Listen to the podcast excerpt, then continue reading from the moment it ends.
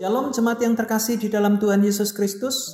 Penuntun saat teduh Sinode Gereja Kristen Jakarta hari ini, Jumat 25 Maret 2022. Judul renungan keajaiban kasih, nas terambil dari kitab kisah para rasul pasal yang ke-20 ayat yang ke-35. Dalam segala sesuatu telah kuberikan contoh kepada kamu bahwa dengan bekerja demikian kita harus membantu orang-orang yang lemah dan harus mengingat perkataan Tuhan Yesus, sebab Ia sendiri telah mengatakan adalah lebih berbahagia memberi daripada menerima. 1 Korintus pasal 13 ayat yang ke-13 Demikianlah tinggal ketiga hal ini yaitu iman, pengharapan dan kasih dan yang paling besar di antaranya ialah kasih.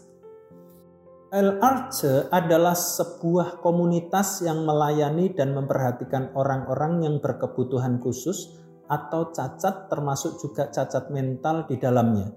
Saya mengetahui keberadaan komunitas ini dari buku yang ditulis oleh Henry Nouwen berjudul Kembalinya Si Anak Hilang. Nouwen mengunjungi komunitas ini dan melayani saat sedang mengalami krisis rohani dalam hidupnya. Pertemuan dengan orang-orang berkebutuhan khusus ini yang akhirnya menyegarkan kembali kerohaniannya.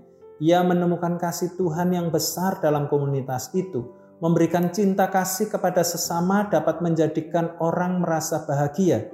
Siapa yang jadi bahagia? Bukan saja orang yang menerimanya, tetapi terutama yang memberi. Mereka yang mempunyai pengalaman memberi dari kekurangannya sebagai tanda kasih pasti pernah mengalami bahwa justru dialah yang merasa bahagia. Yesus sendiri pernah berkata adalah lebih bahagia memberi daripada menerima. Rasul Paulus pernah menjelaskan bagaimana indahnya keajaiban sebuah kasih. Kasih itu lemah lembut, sabar, murah hati, rela menderita. Pada akhir tulisan itu Paulus membuat kesimpulan tentang kasih. Demikianlah tinggal ketiga hal ini yaitu iman, pengharapan, dan kasih dan yang paling besar di antaranya ialah kasih.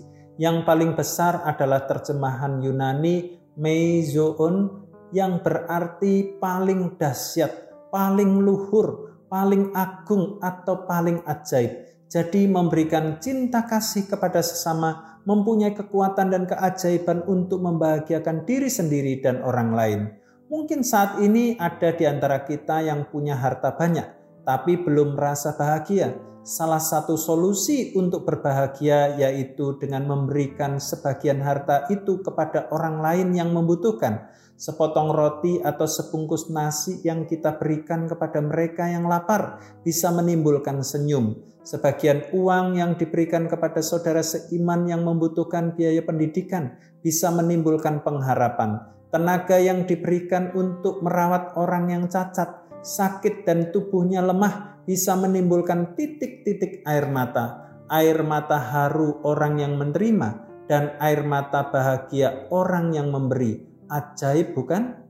Adalah lebih berbahagia memberi daripada menerima. Selamat beraktivitas, Tuhan Yesus memberkati.